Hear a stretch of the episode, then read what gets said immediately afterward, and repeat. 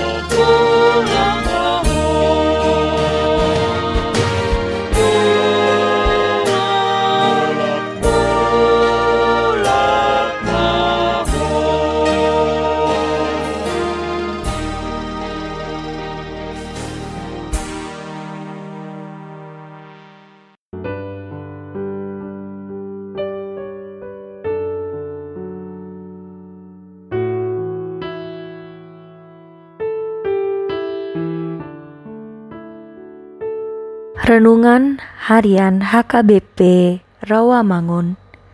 Ikutlah aku. Selasa 3 November 2020 Tetaplah setia kepada jalan Tuhan. Bacaan pagi kita pada hari ini diambil dari Mazmur 128 ayat 1 sampai 6. Bacaan malam kita pada hari ini diambil dari Kisah Para Rasul 13 ayat 1 sampai 12. Dan kebenaran firman yang menjadi ayat renungan kita hari ini ialah dari Yesaya 31 ayat 6. Bertobatlah, hai orang Israel, kepada dia yang sudah kamu tinggalkan jauh-jauh. Orang-orang Israel telah meninggalkan Tuhan jauh-jauh. Sudah terlalu jauh mereka jatuh ke dalam dosa sampai mereka menyembah patung-patung berhala buatan tangan manusia. Itulah makanya Nabi Yesaya menyuarakan ayat ini agar bangsa Israel bertobat dan kembali kepada Allah. Dalam situasi sekarang ini, kita juga sering meninggalkan Tuhan dengan begitu jauhnya yang disebabkan karena keegoisan, merasa diri pintar dan hebat, sehingga merasa apa yang dimilikinya adalah karena usaha dan perjuangannya sendiri.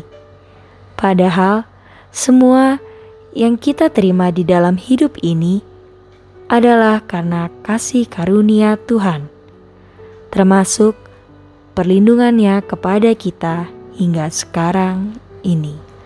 Sebagai manusia, kita pasti marah kalau suami, istri kita memiliki wanita atau pria idaman lain atau selingkuh. Begitu juga dengan Tuhan kita. Bagaimana mungkin kita mengatakan pengikut Tuhan kalau kita sendiri masih menduakan Tuhan di dalam hidup kita?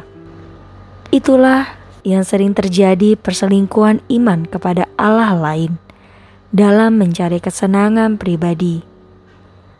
Ayat ini mengarahkan kepada kita, marilah kita bertobat.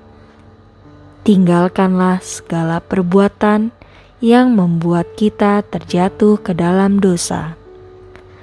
Syukurilah apa yang sudah kita dapat dari Tuhan dan bersukacita dengan apa yang sudah kita terima. Kembalilah kepada jalan Tuhan. Ya Tuhan, bukalah mata hati dan pikiran kami, sadar bahwa jalan hidup kami sering menyakitkan hati Tuhan. Ajarlah kami untuk tetap setia di jalan-Mu. Amin.